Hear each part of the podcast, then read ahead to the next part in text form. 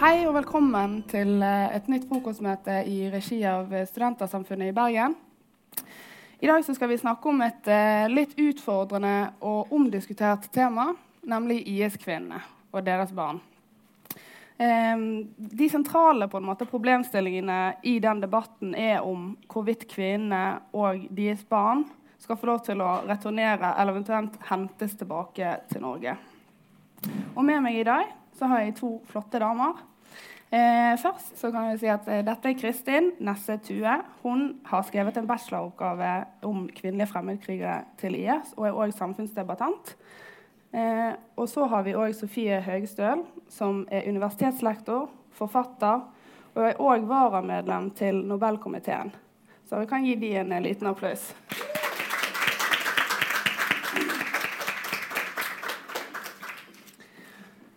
Ja. Så er det da over til eh, det folk lurer litt på. da. Eh, men vi kan jo begynne med å eh, sette litt sånn eh, bakke for debatten. Og det er sånn Hvorfor snakker vi om IS-kvinner? Hvorfor er det interessant eh, nå? Har du lyst til å si litt om det, Kristin? Ja, nå er vi jo i en litt sånn kinkig situasjon, da, når vi har hatt den enorme terrororganisasjonen som har bygd opp sitt velde i Syria og Irak. Og lenge var de jo på frammarsj, og da trengte vi på en måte bare å deale med at folk dro. Men nå er jo IS som organisasjon i stor grad slått tilbake igjen. De eksisterer på en måte ikke mer som en sånn formell organisasjon. De har ikke territorier å snakke om. Og alle de som tidligere støttet IS, befinner seg nå spredt over hele disse områdene. De sitter i flyktningleirer, sånn som vi hører om kvinnene og om barna, mens mennene i større grad sitter i lokale fengsler. Og da oppstår jo disse problemstillingene med hva vi i Europa skal gjøre med de statsborgerne som er våre, som har dratt ned og som nå befinner seg i en flyktningleir i et fengsel. Om vi har plikt til å bistå, hvor mye plikt har vi til å bistå, hvordan skal vi bistå hvis vi skal gjøre det. Og det kommer jo i større grad opp i media nå som journalister på en måte endelig har fått tilgang til å prate med disse menneskene. Så nå kommer de jo fram i media, de forteller sine historier, og det er jo folk langs hele spekteret. Og nå må vi på en måte bestemme oss da, hva det er vi skal gjøre med dem. Ja, det er jo Ja, det er sant. Vil du si noe med det? eller? Ja, altså, Jeg har gitt ut en, en bok om fremmedkrigere sammen med to gode kollegaer fra Norsk senter for menneskerettigheter. Og når vi kom ut med boken i sånn starten av 2018, uh, så når vi ferdigstilte boken sommeren 2017, så var vi ikke klar over hvor vil debatten være når boken kommer ut. Og det var litt vanskelig å si. Og vi var jo redd for at hele debatten ville være godt når boken kom ut. Og så kom den ut i januar 2018, uh, og så skjedde det ingenting. Den debatten vi trodde skulle være der, om hva skjer når de kommer hjem, den var ikke der. Men det tok et år, og nå er vi der vi trodde vi skulle være når boken kom ut. For vi har jo, altså Jeg har fulgt dette forskningsmessig fra 2015, og vi har jo visst at vi ville komme i den stasjonen når IS ble territorielt bekjempet i Syria at vi ville få uh, folk som ville da komme hjem igjen. For det er jo om lag 40 000 fremmedkrigere som har reist til Syria fra vestlige land. Så det er et ganske stort antall. Så det, det har virkelig formet den konflikten. Um, og vi ser at det er nå flere hundre uh, tidligere IS-krigere og barn og kvinner som sitter igjen i konfliktsonen nå som uh, IS er territorielt bekjempet, men eksisterer fortsatt som organisasjon. Ja, og det er jo litt interessant, for Du sa at det var ca. 40 000 som hadde reist mm. ned der for å, å være fremmedkrigere. Og så mm. kan vi jo snakke om hvem er det som er de norske? Sant? Hvor mange ja. er de? Hva er det de på en måte har reist ned dit for? Sant? Ja, Noen lurer jo litt på det. Det er et veldig godt spørsmål. Altså, eh, jeg sjekket uh, nyhetene før jeg la meg i går. Og dette er jo liksom nyhetsbildet i Norge akkurat nå. Um, du, jeg så at NRK dekket uh, kanskje den mest alvorlige fremmedkrigersaken vi har hatt så, lenge, uh, så, langt i Norge. Som er en asylsøker som kom hit fra Syria for to år siden. Som nå har blitt tatt for IS-deltakelse og også vært med på å filme ganske grov propaganda. Så den rettssaken går nå. Det er dekket NRK. VG og Aftenposten skriver på sin side om en etnisk norsk kvinne som er 32 år gammel, som reiste ned til konfliktsonen for noen år tilbake. Det er veldig rart for meg å lese om kvinner som er like gamle som meg, som har litt sånn lik bakgrunn som meg, som har reist ned eh, til konfliktsonen. Det har hun gjort. Mye fokus om det. Uh, og så har det vært mye diskusjoner siste uken om en 28 år gammel kvinne som reiste ned og ble sammen med en av de mer kjente mannlige norske kvinnekrigerne, som har to barn. Uh, og hun har da spurt norske myndigheter om hjelp til å komme hjem, for ett av barna hennes er syke. Eller det sier hun angivelig. Um, så liksom, dette er jo det som rammer mediebildet, og det er det vi vet. Det er en sammensatt gruppe. Det er forskjellige typer mennesker. Uh, men det har vært om lag 100 norske fremmedkrigere som har reist. Så vi har hatt litt mindre enn Sverige, som har hatt om lag 300. Men vi er et lite land, så 100 er ikke så dårlig, det heller. Uh, for noen år siden uh, så, så, kom vi liksom på forsiden av New York Times, og det var jo ikke for liksom, det vi vanligvis kommer på forsiden av New York Times for. Det var fordi at liksom, tittelen var 'Pipeline to Jihad'. Og det handlet da om én liksom, vei på Østlandet hvor flere norske fremmedkrigere har reist og blitt konvertert og, og, og, reist ned og blitt radikalisert. Så liksom, vi har jo fått internasjonalt oppmerksomhet for deler av vårt fremmedkrigermiljø. Men jeg tror det også på en måte når disse kvinnene går til media og vi snakker med dem og liksom kan sette et navn på dem, så får vi også inntrykk av at situasjonen begynner å stabilisere seg, at vi får litt mer oversikt. Vi vet hvem disse menneskene er, de har alle hver sin historie. Men faktum er jo også at situasjonen fortsatt er utrolig uoversiktlig. Særlig når det gjelder altså En ting er kvinnene som vi vet at har dratt, men de barna som har blitt født mens de er der nede, har vi jo veldig veldig lite oversikt over hvem er. da. Og det er jo også en ting man må på en måte ha i mente når man diskuterer det, er at det er ikke så veldig sånne clear cut lines på hvor de er, hvem de er, hvem vi har ansvaret for, og hvem vi ikke har ansvaret for. Og det gjør jo alt ganske mye kom mer komplisert, mm. både på en måte sånn realpolitisk, men også juridisk. da. Ja, PST antar at det er ca. 30 norske personer igjen i konfliktområdet, altså norske fremmedkrigere. Jeg bruker den betegnelsen på både menn og kvinner, eh, samt at det er om lag 40 barn, 30-40 barn. Så det er de antallet vi opererer med i konfliktsonen nå. Ja. Og det er jo forferdelig i seg sjøl. Eh, og så er jo egentlig det som har vært det essensielle spørsmålet, er jo da Oi, ja, unnskyld. Eh, det essensielle spørsmålet er jo da hvilket ansvar er det Norge har det snakket jo du litt om på debatten òg, på en måte. Men eh, du eh, jobber jo òg litt som jurist. Mm. Eh, du kan jo gjerne greie litt ut om hvilket juridisk ansvar er det Norge har. Ja, um, Svaret er at dette er et politisk spørsmål. Og det er fordi at du har ikke som norsk statsborger rett til å bli hentet hjem på helikopter av UD. Det er ikke noe du har krav på rettslig. Det er ikke sånn at uh, du har krav på at den norske stat kommer og henter deg der du er hvis du kommer i trøbbel i utlandet. Og det gjelder jo for disse personene også. Og det UD har vært veldig tydelig på, og det er kanskje en av de lærdommene jeg har tatt, tatt for dette, er at uh, disse personene har trosset UDs reiseråd, som man tydeligvis ikke må gjøre. For da, UD har vært veldig tydelig på at liksom, det har trosset vårt reiseråd. Vi har uh, frarådet folk fra å reise til Syria siden konflikten startet. Og da kan ikke vi drive med oppsøkende virksomhet, som de kaller det. Med andre ord, vi kan ikke sende UD-diplomater til konfliktsonen uh, for å bistå dere der. Dere må komme dere til et norsk konsulat, og da kan vi hjelpe dere. Problemet er jo at mange av disse personene sitter internert og uten pass. Så for de å ta seg til Tyrkia da, for eksempel, og komme seg til norske konsulatet der, det er ikke uten videre eh, lett. Eh, men alle norske statsborgere har en rett på å komme hjem. Så hvis en eh, fremmedkriger tar seg hjem på en eller annen måte, så kan vi selvfølgelig ikke nekte de innreise i Norge.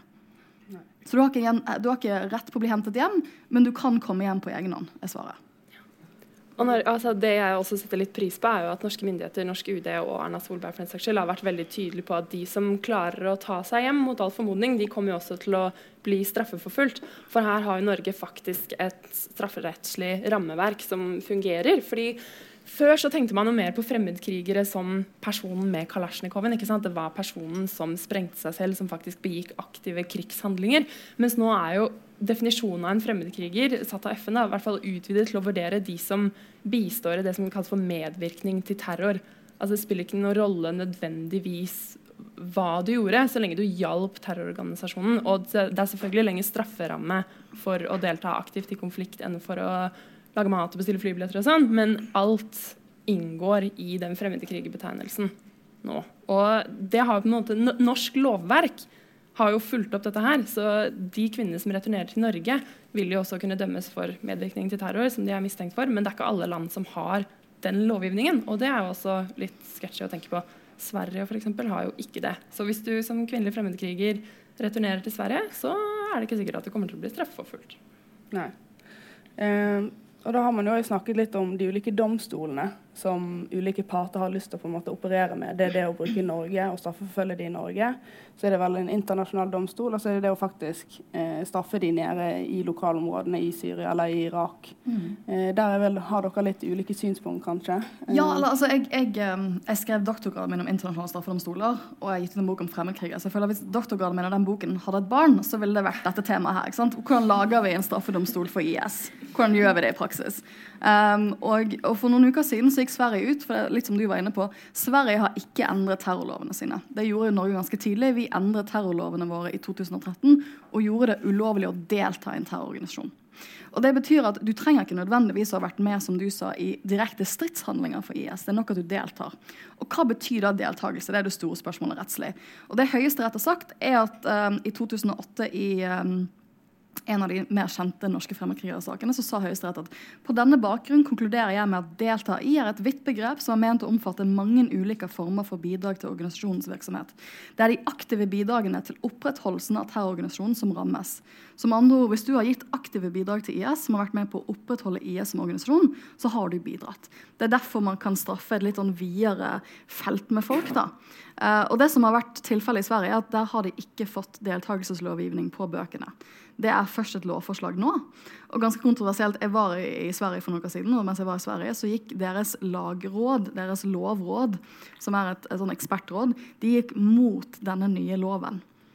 Uh, så det, det, masse, det, har vært masse kontroverser knyttet til dette lovverket. Og, og, og, jeg tror Situasjonen for Sverige er jo slik at uansett om de skulle vedta disse lovene nå, så er det slik at de vil ikke tre i kraft før i sommer. Og de fleste har jo sluttet å delta i IS nå, for de sitter jo i, de sitter jo i fangeleirer.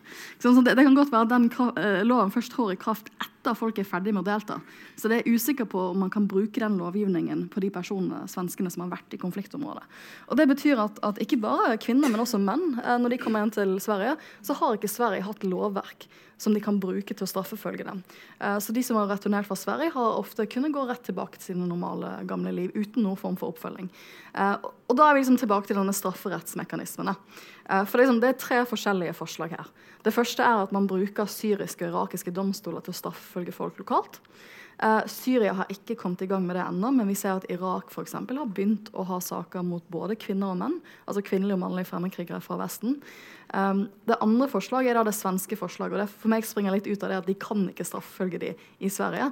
Så uh, Sverige har lansert gjennom sin statsminister at man skal lage en internasjonal straffedomstol for IS i Syria. Nå vet vi ikke så mye om det forslaget. For når jeg fikk det forslaget servert fra NRK, når de fikk det liksom, eh, når de så, fikk det liksom sånn forhåndsvis at det skulle skje i Sverige, så var, hadde jeg jo masse spørsmål. Altså Hvilken type domstol? For det er masse forskjellige typer internasjonale straffedomstoler. Hvilken modell skal de bruke? Og Det tror ikke Sverige har tenkt på så langt. De vil bare ha en internasjonal straffedomstol som kan, som kan ta tak i dette problemet lokalt. Problemet med det er at du må vanligvis ha Sikkerhetsrådet inn for at du skal stifte en sånn internasjonal straffedomstol. Og jeg er ikke helt sikker på at vi vil få med Sikkerhetsrådet på det, sånn som situasjonen er i dag, men det kan vi komme tilbake til. Uh, så liksom lokale rettssaker, internasjonal straffedomstolsløsning, eller hente det hjem og straffølge det i Norge. Men det er som du sier, et, et, en løsning som Sverige eksempel, ikke nødvendigvis vil kunne ta i bruk. Ja, så altså, Man kan jo fort konkludere med at det er veldig mange fordeler og utfordringer ved alle alternativene.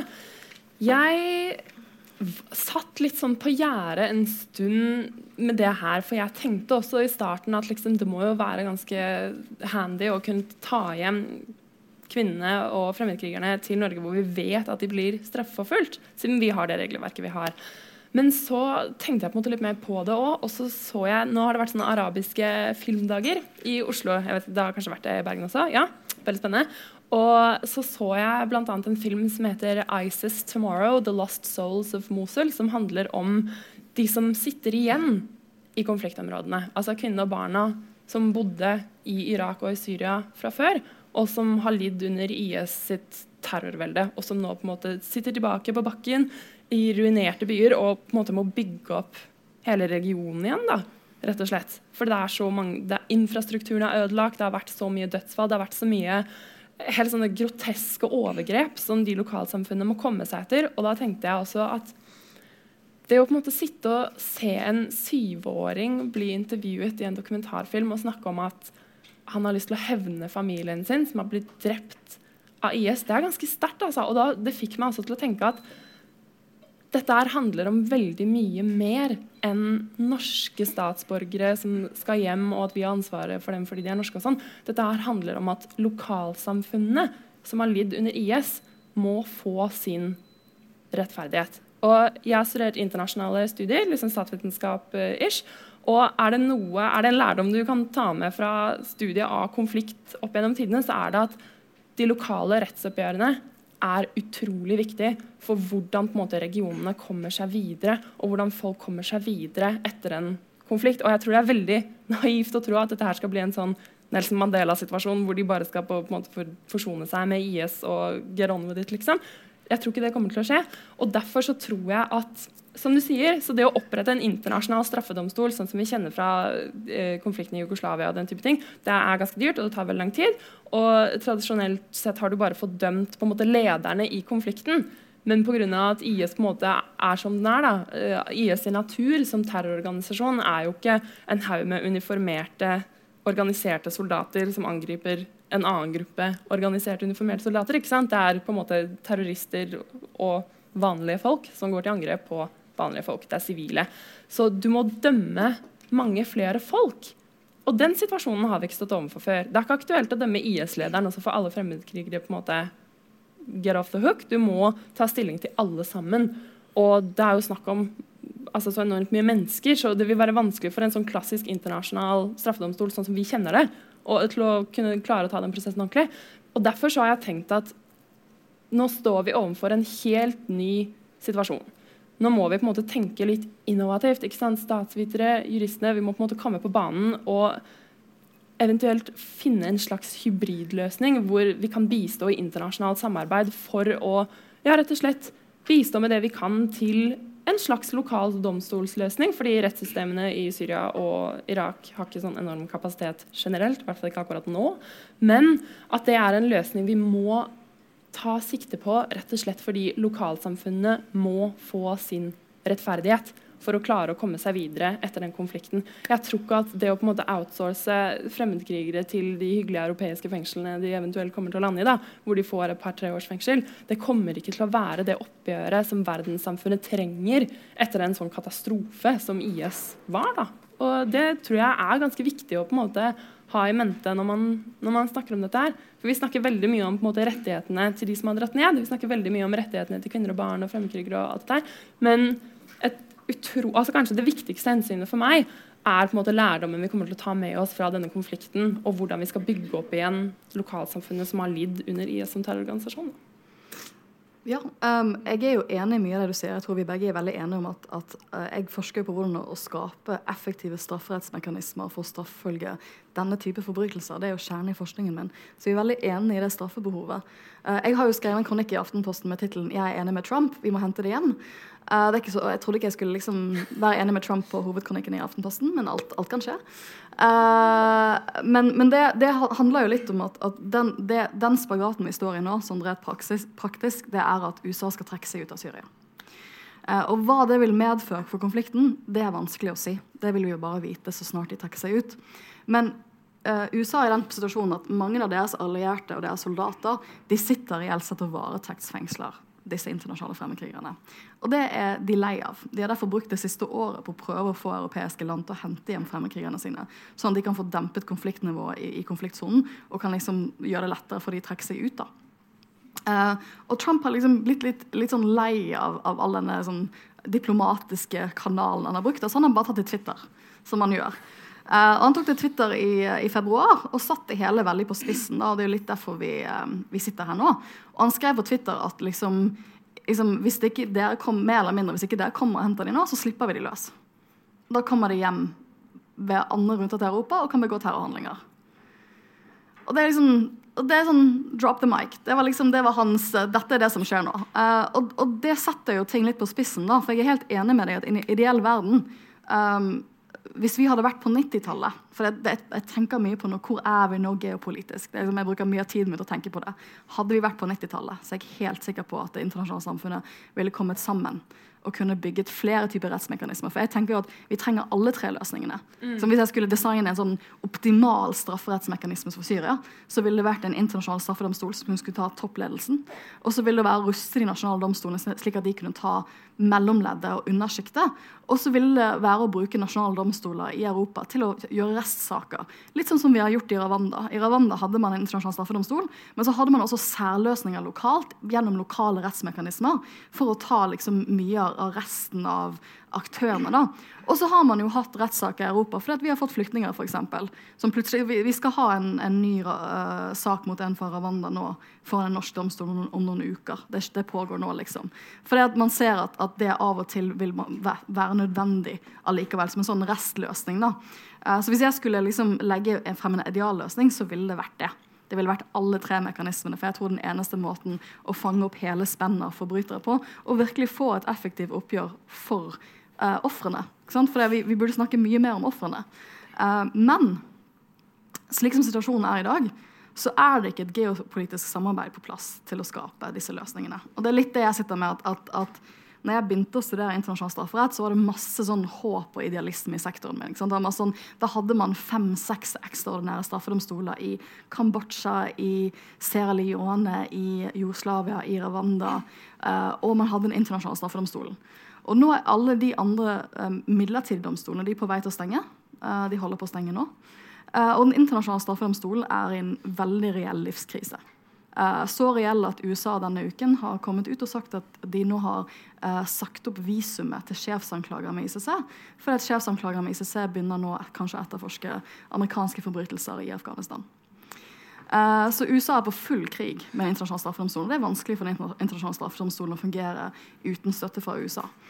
Uh, og det er jo litt der vi er geopolitisk, at Mange av de store statene i Sikkerhetsrådet de er ikke interessert i internasjonal strafferett lenger. på samme måte som de var på 90-tallet. Um, og det er jo de som vanligvis har stiftet disse mekanismene.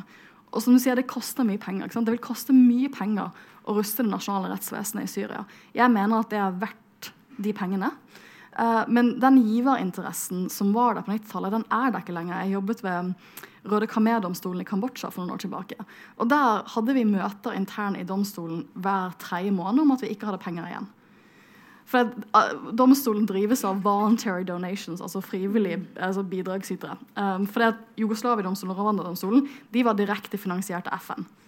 Og på et eller annet tidspunkt på 90-tallet så kostet de 10% av FNs budsjett. Så det har FN aldri gått med på igjen. FN er sånn, Jeg skal aldri direkte finansiere en, en domstol igjen. Så, sånn domstoler i dag de blir, direkte, de blir, finansiert gjennom frivillige bidrag fra land som Norge. Eh, og det fører til at det ofte liksom, det er mange som har giverlyst første to årene. Men år tre, fire og fem så er det veldig vanskelig å skrape sammen penger til å fortsette. Og internasjonale straffesaker tar lang tid. Uh, og Jeg sitter og tenker mye på dette. For eksempel, jeg føler at når jeg begynte å forske på internasjonal strafferett, så var vi et helt annet sted enn det vi føles å være nå. Det kan godt være at det endrer seg om fem år igjen. Men det er litt der vi er i Syria når USA velger å trekke seg ut. Og det ikke virker å være. For det som har manglet i Syria-konflikten hele veien, har vært et ordentlig internasjonalt samarbeid rundt hva man skal gjøre løsningsmessig. Det at denne krigen har fått pågå så lenge, er i seg selv en skandale.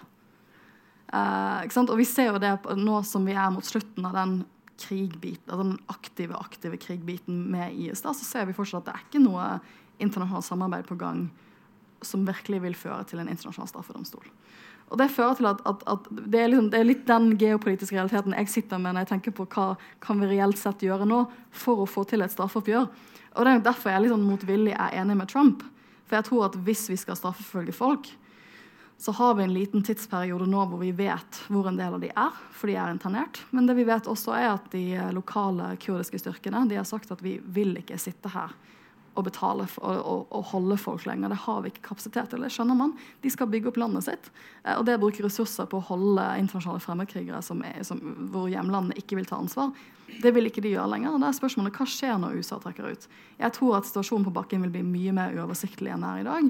Og da er, spørsmålet vil, vil, de, vil, USA gå med på Jeg, jeg tror at liksom, Trump sier jo én ting, men jeg tror hans egen liksom, altså, de, de vil jo ikke trekke ut på den måten som han vil. Så det er jo sånn, det er jo en internpolitisk debatt i USA.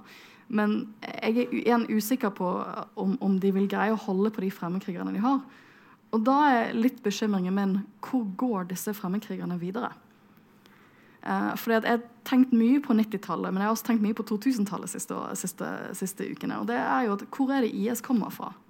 Det har vi glemt. Men IS møttes i amerikanske fangeleirer i Irak. Det er sånn IS ble til.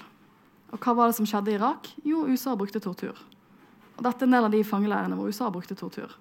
Det er, det er hvordan IS ble stiftet.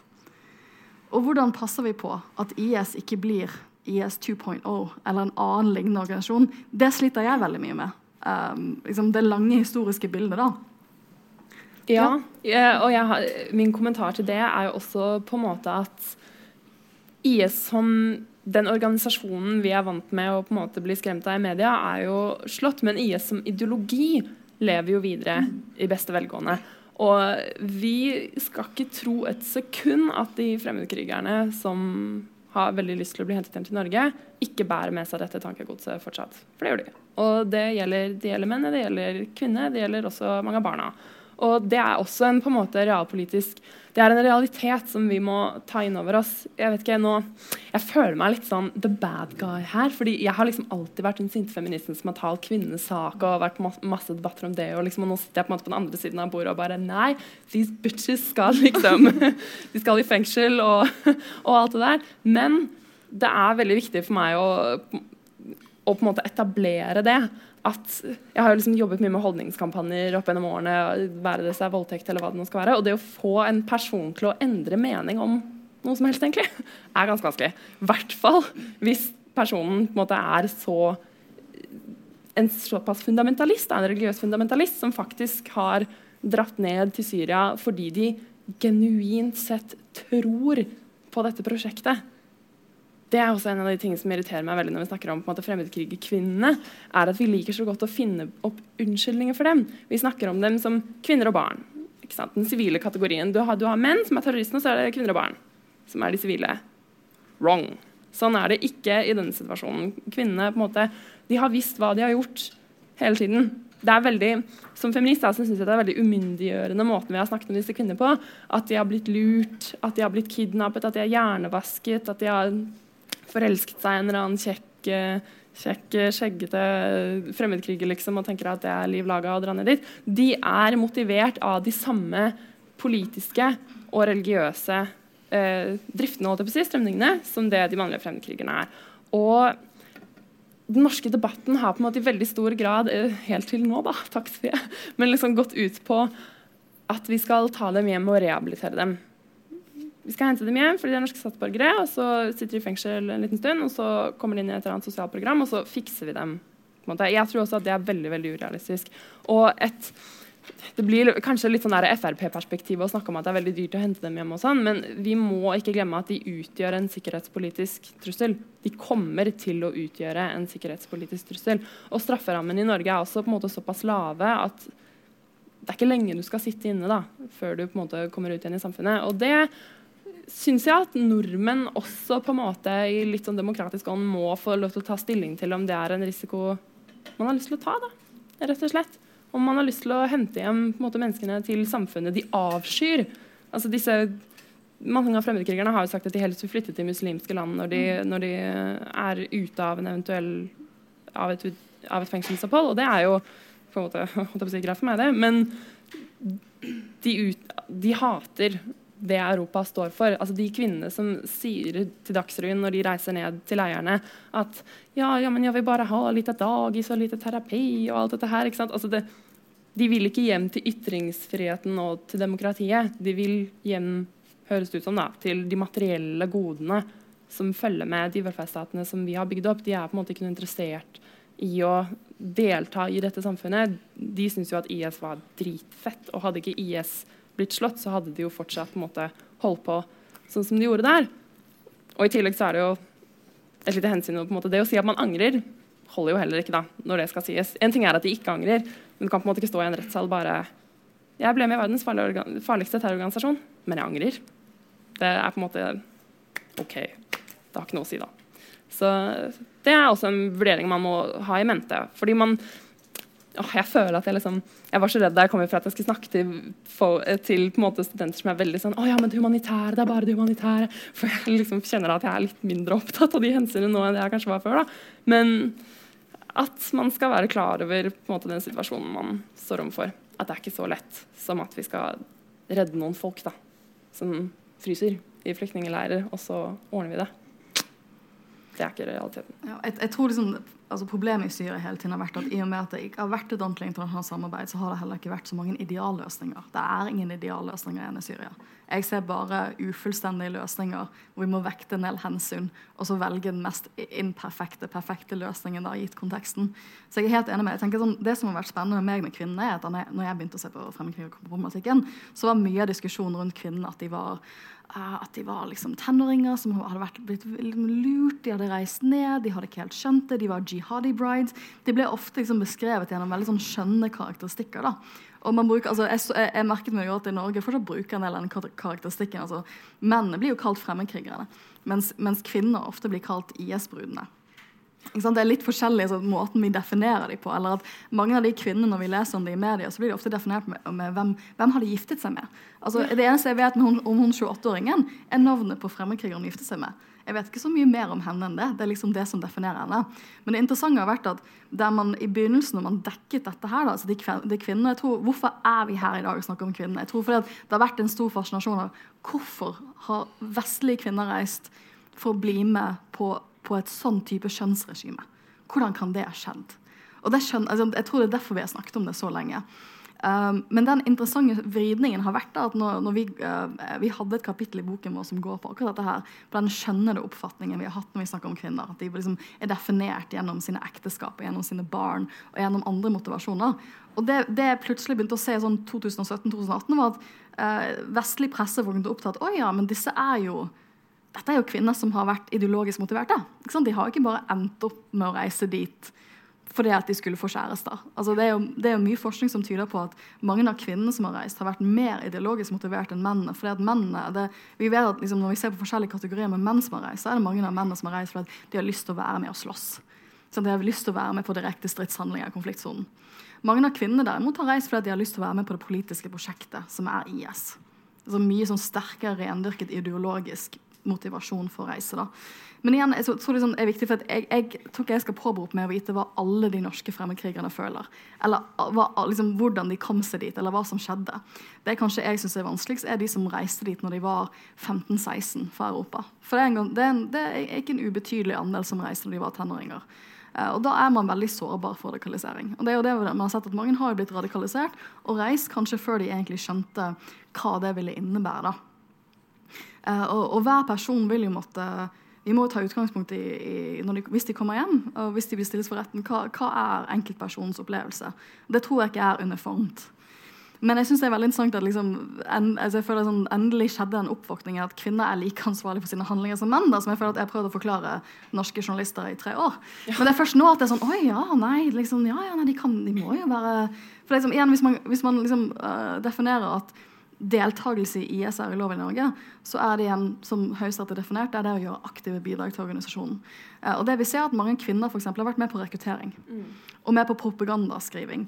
Den første kvinnen som ble dømt for IS-deltakelse i Norge for noen uker siden, hun var til dels dømt fordi at uh, påtalemyndigheten kunne vise at hun hadde vært med på å skrive propagandatekster for IS var den type deltakelse. Det er deltakelse. Det er en sånn rolle som vi har sett kvinner har hatt.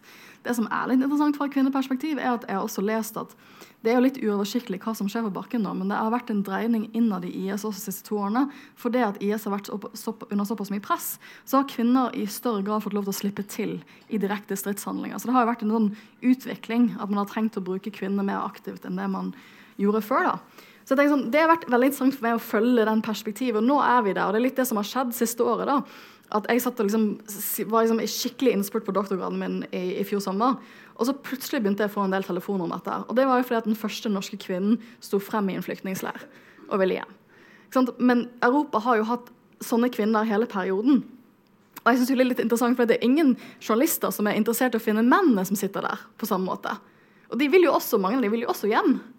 Men, men de er vi ikke interessert Vi er ikke interessert i å finne mennene som sitter i en del av disse fengslene og spørre hva, hva er din historie, hvorfor vil du hjem, hvilken barn har du? Vi er totalt uinteressert i det, men vi løper etter og liksom, vi, vi er veldig interessert i at, liksom, hvor disse kvinnene er. Og det synes jeg også er sånn interessant. da, altså, det, det, blir først en mediesak når en kvinne står frem i avisen, som, som skjedde i sommer med hun Aisha, som mm. jo også skrev en veldig sint kronikk i Aftenposten, som jeg var veldig imponert over å skrive innlegg i Aftenposten fra en flyktningleir i Syria. Det, ja, det, det hvis hun klarer det, så ja, klarer alle det. Det har, jeg, det har jeg virkelig respekt for. Um, men liksom, spørsmålet er hvem tar ansvar for disse personene? For det har jo vært mangelvare hele, hele veien. Da, at ingen tar ansvar. Uh, liksom, kur, altså, kurdiske styrkene vil ikke ta ansvar nå. Det skjønner man, for igjen, de har så store utfordringer. Og hva kommer til å skje med de kurdiske styrkene idet USA trekker seg ut? Jeg tror de er veldig redd for at det første må skje da, er at Tyrkia kommer inn uh, i, i, kurdiske leirer. Liksom, liksom, de, de, står en veldig skvis på mange måter, så de vil ikke ha det. ikke sant? Jeg tror Syria som sånn myndighet, Hva er Syria som myndighet? Det har vært ingen diskusjon. Altså, Irak begynner å ta ansvar lokalt. De begynner med rettssaker. For de har mer kapasitet til dette. Altså, sånn, og igjen, så, så er det ingen, De fleste europeiske land vil ikke røre dette her. Altså, liksom, du ser Færreste norske politikere vil snakke om dette åpent. for det, liksom, Man vil ikke, man har, man har håpet at dette problemet vil gå bort av seg selv. Ja.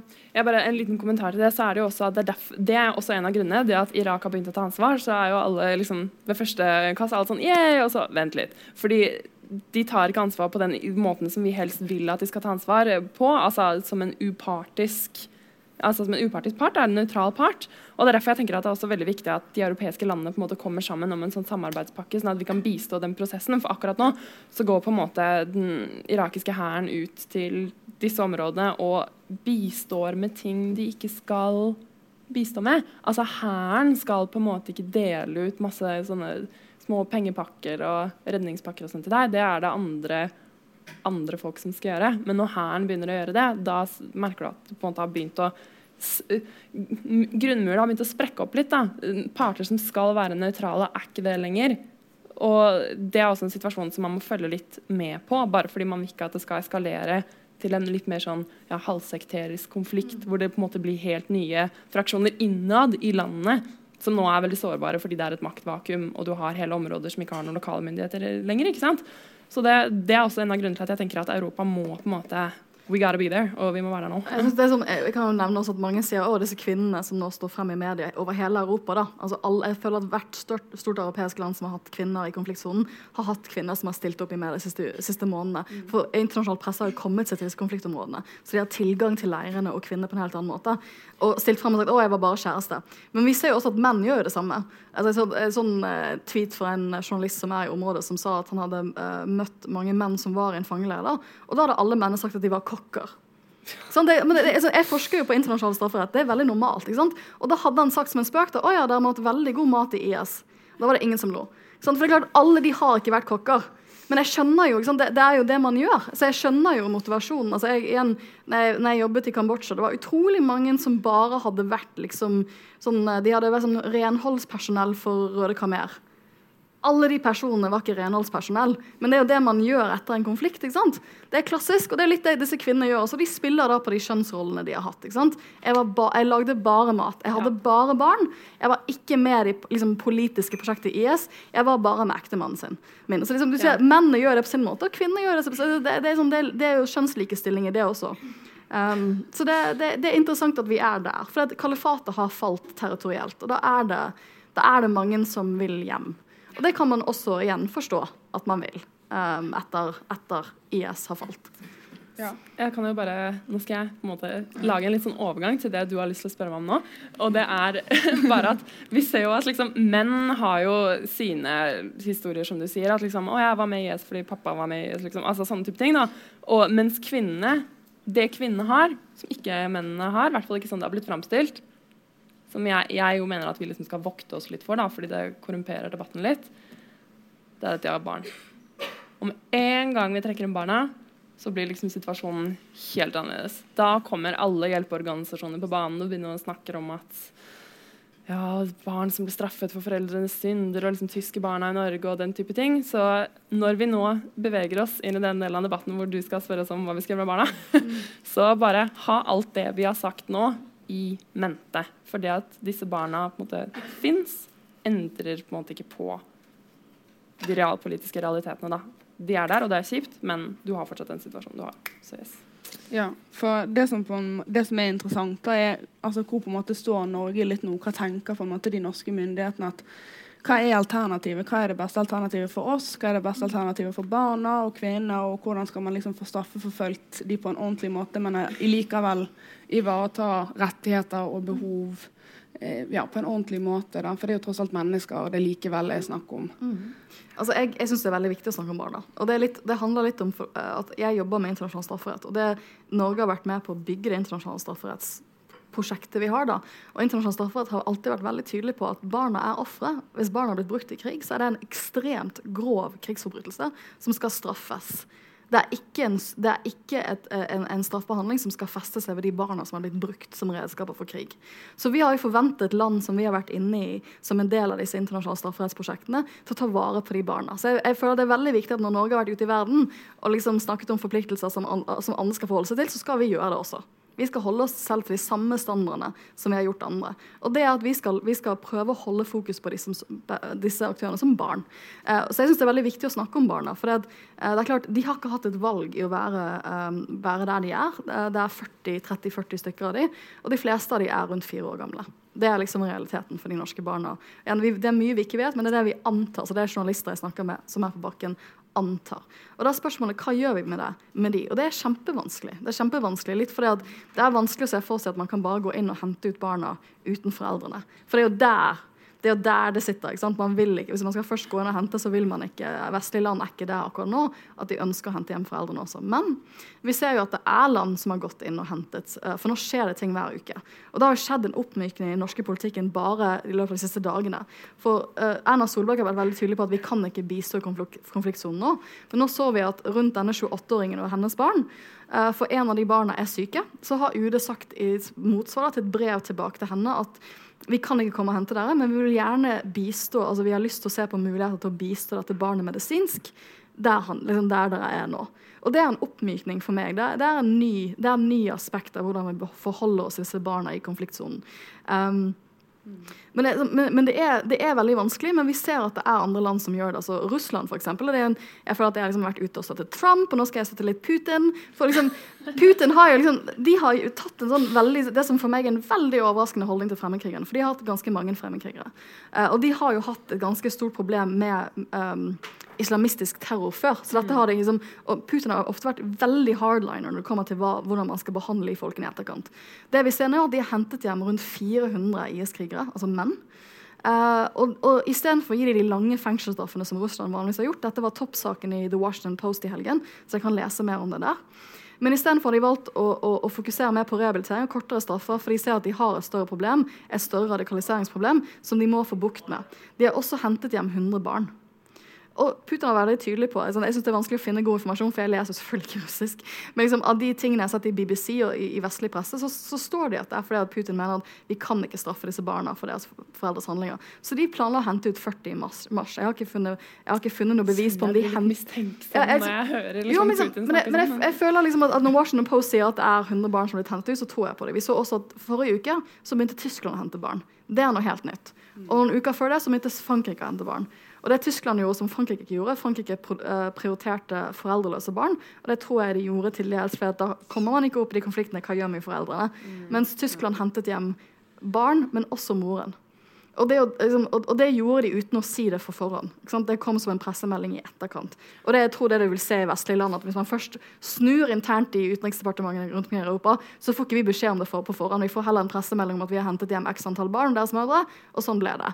Jeg tror det er den type dynamikken du vil se på mm. bakrommet her. Men, men, men, men her skjer det ting hver uke vis vi hva vi skal gjøre. Og det er jo særlig barna som er presserende her, tenker jeg. Mm. Eh, I form, form, av humanitært behov. For det, jeg mener at eh, som voksen person, hvis du reiser ned til konfliktområdet, så, så kan du ikke forvente uten videre at norske stat kommer og Jeg tror at, altså jeg, jeg har ikke reist til Saudi-Arabia og spradet rundt naken. Gjør jeg det, så forventer jeg ikke at den norske stat kommer og henter meg hvis jeg får den massivt lange fengselsstraffer jeg antar at jeg får. Man må, man må, liksom, sånn, man må underkaste seg de, de, de, straffelovene der man er.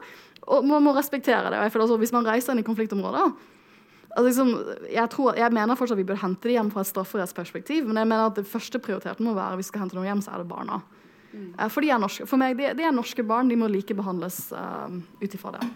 Før du begynner nå, kort, så er det det at jeg ser at tiden begynner å løpe litt ut. Så hvis du har lyst til å bare ja, Ja, altså- oppsummere litt det du òg har lyst til å legge fram. Ja, bare sånn, de oppsummerende bemerkningene til det, så er det jo også at jeg er veldig glad for at debatten har blitt litt mer nyansert. For i starten da vi begynte å snakke om det her, så var det vel først og fremst Vi driter i kvinnene, hent hjem barna.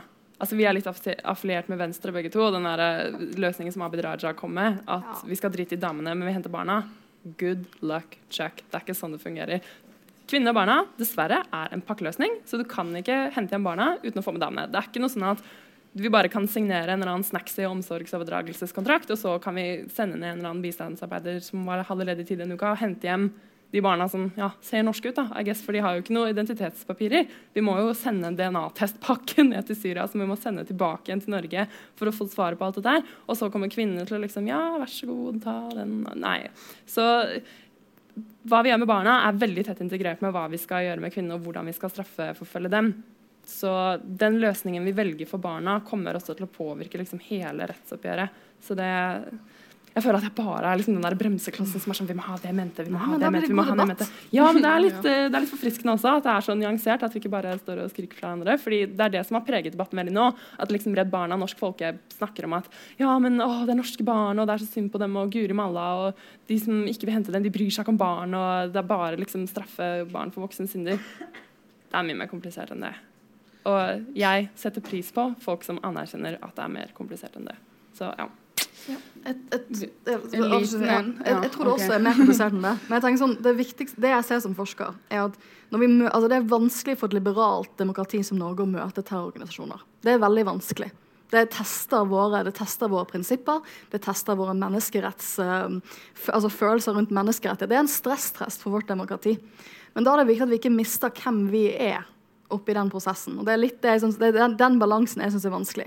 Vi skal ikke miste hvem vi er som samfunn. Og for meg, altså det, det, det fokus på barna, det er norsk kulturarv. Altså, De Castbergske barnelovene som ble vedtatt i 1915, de, er, de ligger nå i Unescos World Heritage Site som en sånn, sånn grunnmur i det å tenke på barn som selvstendige individer. Og det er, sånn, det er en del av vår kultur. Det er en del av, av hvem vi er som nasjon. Og det er jo ikke miste, altså er en, jeg, jeg ser, liksom, Vi må se alle nyansene, men det er, liksom, vi skal ikke, det, er litt, sånn- det er viktig for meg. Vi skal ikke miste hvem vi er opp, oppi, uh, oppi hvem IS er. Uh, og så er det litt det at hvem skal ta ansvar nå? Jeg tror liksom, Vi er enige i veldig mye. Men jeg tenker sånn, for meg uh, så koker det ned til liksom, hvordan kan de strafffølges? Jeg, jeg tror akkurat nå er det bare gjennom nasjonale domstoler i Norge. Kan, jeg håper at de endrer seg. Altså, Ingenting gjorde gjort mer lykkeligere enn at det kom på banen en internasjonal løsning om to uker. vi kan snakke om det. Men den er ikke der. Um, og så det andre for meg er at det er et ressursspørsmål. Og for meg er det vanskelig å forsvare at vi spør uh, Syria, som er et knekt samfunn, om å ta 30 av våre voksne problempersoner som har blitt radikalisert i Norge. Så vi har en delansvar for den radikaliseringsprosessen. De har blitt radikalisert i vårt samfunn og reist ut. Uh, og vi ber de om å ta ressursene for det. For det er ressurser Syria ikke har. Og sånn, det ressursperspektivet også syns jeg er ganske vanskelig. Altså, det, det, det, er en, sånn perspektiv, for Jeg vil at Syria skal kunne reise seg som samfunn, at, skal kunne, at penger skal gå til ofre. Reelle flyktninger, istedenfor at norske personer sitter og tar flyktningplasser fra andre. Så Det er, sånn, er et annet perspektiv. Så det er sånn ansvarsperspektiv. Men jeg er helt enig med deg, jeg håper på en internasjonal løsning. Jeg har bare blitt veldig herdet av de siste tre årene i internasjonal politikk. Da vil jeg bare si at uh, dette har vært en uh, veldig bra debatt. Og uh, er det noen som har lyst til å spørre disse damene om noe, så er det bare å ja, um, fyre løs. Hei, jeg heter Anne. Jeg bare lurte litt på UD sin rolle i alt dette her. For vi ser jo med Joshua French for eksempel, at de har brukt utrolig mye penger, tid, diplomatiske bånd og energi på å hente han ut derfra. Og han gikk jo også imot UD sitt reiseråd eh, og har bidratt direkte ulovlig i Kongo. Eh, så hvorfor har UD ombestemt seg med å ikke bruke diplomatiske bånd, penger eller tid på dette her? Ja, altså, Nå er ikke jeg juristen iblant oss, men jeg kan bare kort si at på en måte, de situasjonene er litt annerledes. Og jeg vet at det er veldig mange som har kommentert på liksom, skal vi bare hente hjem hvite mennesker. liksom. Men eh, det ligger noen andre, altså, noen andre faktorer her, og det er at Joshua French ble også dømt til døden Og det, da ser du på en helt annen situasjon. Altså hva slags bistand Norge er villig til å yte, versus når du sitter i en flyktningleir som du på en måte har plassert deg selv i og er fryser, versus når du har blitt dømt til døden og de strafferettslige forholdene er veldig uklare. Og så var det jo også fordi mora hans maser jævlig. Det skal jo ikke være en, et offisielt hensyn, men det er jo faktisk sånn. Jeg vil bare ja. supplere det at jeg tror at forskjellen er at for det første så hadde vi vi hadde, konsul, altså vi hadde ambassade i Kongo, vi hadde konsulær støtte i regionen. da. Og det er vel det UD holder fast på, at det har vi ikke i Syria. Så det er litt det de skjuler seg på. Altså, I første omgang vi har, ikke, vi har ikke et ambassadeforhold med Syria, sånn som ting er nå. Mm. Men det andre, som du sier, at er, han var i et strafferettsspor. Og vi glemmer jo det nå, men uh, Norge blir jo dømt som en del av den straffesaken. Vi ble jo dømt for at vi var ansvarlig for hans spionasje, f.eks. Jeg tror derfor måtte UD måtte være der på en litt annen måte, for Norge var jo medpart som stat. Men jeg, helt, jeg tror sånn, den skinkestasjonen som UD har satt seg i jeg mener at De burde aldri brukt så mye penger og tid på den saken som de gjorde. Uh, er at hvis, hvis, det blir lokale rettsoppgjør i Syria og Irak, så er jo dødsstraffen på bordet for alle de som kan yes. bli dømt. da. Så liksom alle de norske fremmedkrigerne, hvis det blir lokale rettssaker, da er vi i en Moland og French-situasjon. Og da blir det veldig vanskelig for UD å kunne argumentere godt for at de da ikke skal få akkurat samme type bistand ja. som det Moland og French gjorde. Så der har de nok satt en veldig dyr terskel for, for ja. deres egen deltakelse, som blir vanskelig å se bort ifra det sekundet disse personene kommer i en straffesituasjon. Men det er jo litt det de lever på at disse personene er jo egentlig varetektsfengslet, men de er ikke siktet. Så det er ikke et strafferettsspor. Ja, ikke sant. Men eh, du er inne på et veldig godt poeng, for jeg tror det er mange i UD som angrer noe jævlig på hvordan French-saken ble håndtert eh, nå, altså. Flere spørsmål? Hei. Eh, jeg lurer på For jeg mener jo at vi burde ta hjem kvinnene, men da burde vi kanskje også ta hjem mennene. Og at de burde straffes, men burde, mener dere at kanskje burde ha strengere eh, straffer for disse personene? Jeg mener jo at man burde ta hjem alle altså liksom for å straffe. Så jeg, når jeg ser fremmedkrigere, så mener jeg både menn og kvinner. Uh, så jeg skiller ikke det. Jeg er helt enig at En av de største svakhetene med å ta det hjem, som jeg sliter veldig med selv, for det er en svakhet, det er at det vil, det vil, bli praktisk vanskelig for Norge akkurat nå, det kan endre seg i to-tre års perspektiv, å stille de til retten f.eks. For, for krigsforbrytelser. For jeg mener at Hvis du har vært med på krigsforbrytelser i Syria, skal du stilles til ansvar for de, ikke bare for deltakelse i IS, som har en mye lavere strafferamme enn en krigsforbrytelse. Ja. Og Det er jo det vi ser at det blir veldig vanskelig, for det er veld, nesten umulig for norsk påtalemyndigheten i dag å bevise at noen har vært med på en krigsforbrytelse i Syria. For da må man hente ut masse bevis fra Syria. Og det må man ikke med deltakelse, for da må man bare bevise at du var en del av IS. Og det er ofte mye lettere, særlig fordi disse personene har brukt sosiale medier. Et tips jeg har til dere, ikke, ikke ta bilder av dere selv mens dere gjør noe straffbart. Påtalemyndigheten elsker det. Men det, det, det, det, er det de tar dem på. Det er det sosiale medieaspektet de, de, de, virkelig blir dømt for nå. Um, så det er en stor svakhet. Uh, men, men, kanskje på sikt da, vil det være mulig å hente inn altså Det kan jo være en internasjonal løsning at de setter i gang en sånn internasjonal etterforskerenhet i Syria, hvor de utleverer bevis og dokumenterer enkeltpersoners deltakelse. Mm. For det, som du sier, Strafferammen er da bare seks år per liksom, tiltalepunkt. Så du får en mye lavere straff for den krigsforbrytelsen. Det syns jeg personlig er vanskelig. Eh, du tok eh, kort opp dette med tyskerkvinnene og tyskerbarna etter annen verdenskrig. Vil det belyse litt forskjellene på den situasjonen vi sto overfor i 1945 og den vi har i dag, med tanke på forskjellene? Ja, altså jeg, jeg var på Debatten og snakket om det her da dette ble tatt opp. Det er kanskje noen av dere som har sett det, Hvor jeg på en måte står og ser veldig, veldig sint ut, mens hun Gerd Fleischer snakker om at dette her på en måte er 'Tyske barna del to. Eh, jeg mener jo at jeg ser hvorfor, man, hvorfor, det er fristende å dra den parallellen, men jeg syns at de situasjonene på en måte er fundamentalt forskjellige. Fordi de tyske kvinnene som på en måte ble Norges ja, tyskertøser og fikk det stempelet, og de norske liksom, tyske barna, de Det er på en måte først og fremst en historie om kjærlighet, altså.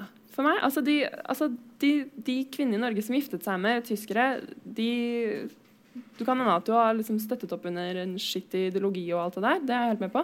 Men det er ikke det samme som å på en måte dra ned til en terrororganisasjon for å bistå dens liv og virke. Det at du på en måte ja, ble forelsket i en ja, altså, jeg, jeg, jeg, er ikke noen ekspert på andre verdenskrig, så jeg skal ikke, jeg skal ikke late som jeg er det. Men jeg, ser nok kanskje litt av det samme at jeg tror at for en del av de norske kvinnene så de, de var, altså de, Norge var jo okkupert. Og så var de ute, da, og så var det en tyske soldat som bodde i omegn, og så møttes man. Og så blir man forelsket som unge personer av og til blir. Og det, sånn, og, og det, tror jeg var litt av konteksten der, men jeg, jeg tror ikke vi skal se bort ifra at det var en del norske kvinner som var veldig med på ideologien. Ja, ja, sånn, jeg, jeg, tror ikke det var så svart-hvitt. Altså, liksom, jeg tror ikke det var så svart-hvitt. Men jeg, jeg, tenker nok at det er ikke helt dekkende for den stasjonen vi er i, iallfall med kvinnene, kanskje med barna mer så. Men med, liksom, med kvinnene. For de har tatt et aktivt valg å reise ned til konfliktsone på en måte man ikke gjorde hvis man møtte en tysk soldat i Norge. da. Men jeg, altså, jeg tror barna liksom, måten, Det er jo litt, jeg tenker, sånn, det er å lære av vår egen historie. Hvordan skal vi møte Jeg liker å bruke ordet, ordet IS-barna, for det, da definerer vi de ut ifra hva de voksne har gjort i deres liv. Liksom. Men hvordan vi møter de barna det at vi skal lære av historien vår der, det tror jeg, for det tror jeg for meg er kanskje noen mer paralleller. For det er veldig stigma. Altså, liksom, det, vi, jeg, liksom, jeg, så en dokumentar om tyskerbarna, og det var bare utrolig gripende å, å, å se hvordan voksne mennesker har hatt sine liv så, altså til de grader blitt mobbet i oppveksten for noe de ikke har hatt noe med å gjøre selv. da. Og at vi lærer for det til neste gang. Men, uh, men jeg, ser, altså jeg, jeg, skjønner jo hvorfor, Det er ikke så mange historiske paralleller å trekke her. Så jeg ser jo hvorfor man prøver å, å trekke opp det som en sånn muligens historisk parallell. da. Ja. Men at, at tyske kvinner kanskje først og fremst var gift med sine ektemenn, men at IS-kvinner først og fremst er gift med regimet, er vel kanskje den største, den største forskjellen. Hvis vi ja. ikke snakker om barna, men snakker om kvinner. Ja, altså, jeg, jeg, jeg, jeg føler ikke meg komfortabel med å definere hvorfor alle kvinner reiste, for det vet jeg ikke. Jeg har ikke møtt alle kvinner. det kommer jeg aldri til å gjøre. Uh, men, men jeg, jeg, tror nok det er litt en, det, du, du, har blitt som du sier, du, du, du, har blitt med på et regime på en litt annen måte. da. Uh, enn det, altså du, du, kjente kanskje ikke personen du ble gift med på forhånd før du reiste. For det er ofte det som skjedde, at kvinner reiser ned og så blir satt inn i sånne dating pools. og, så, og, så, får du liksom møte en person. Da. Du får liksom skrive litt med den personen, så møter du, og så gifter dere dere. Og det er sånn man liksom det, det, Men det er, for noen av kvinnene har jo kjent mennene før det har de. Så det er litt forskjellige settinger her. Men det, det, er det som har skjedd med de fleste kvinner, at de kommer ned, de blir satt i sånne datingbåser, og så møter de noen gjennom det. Da rekker vi ett siste spørsmål, hvis eh, noen har et.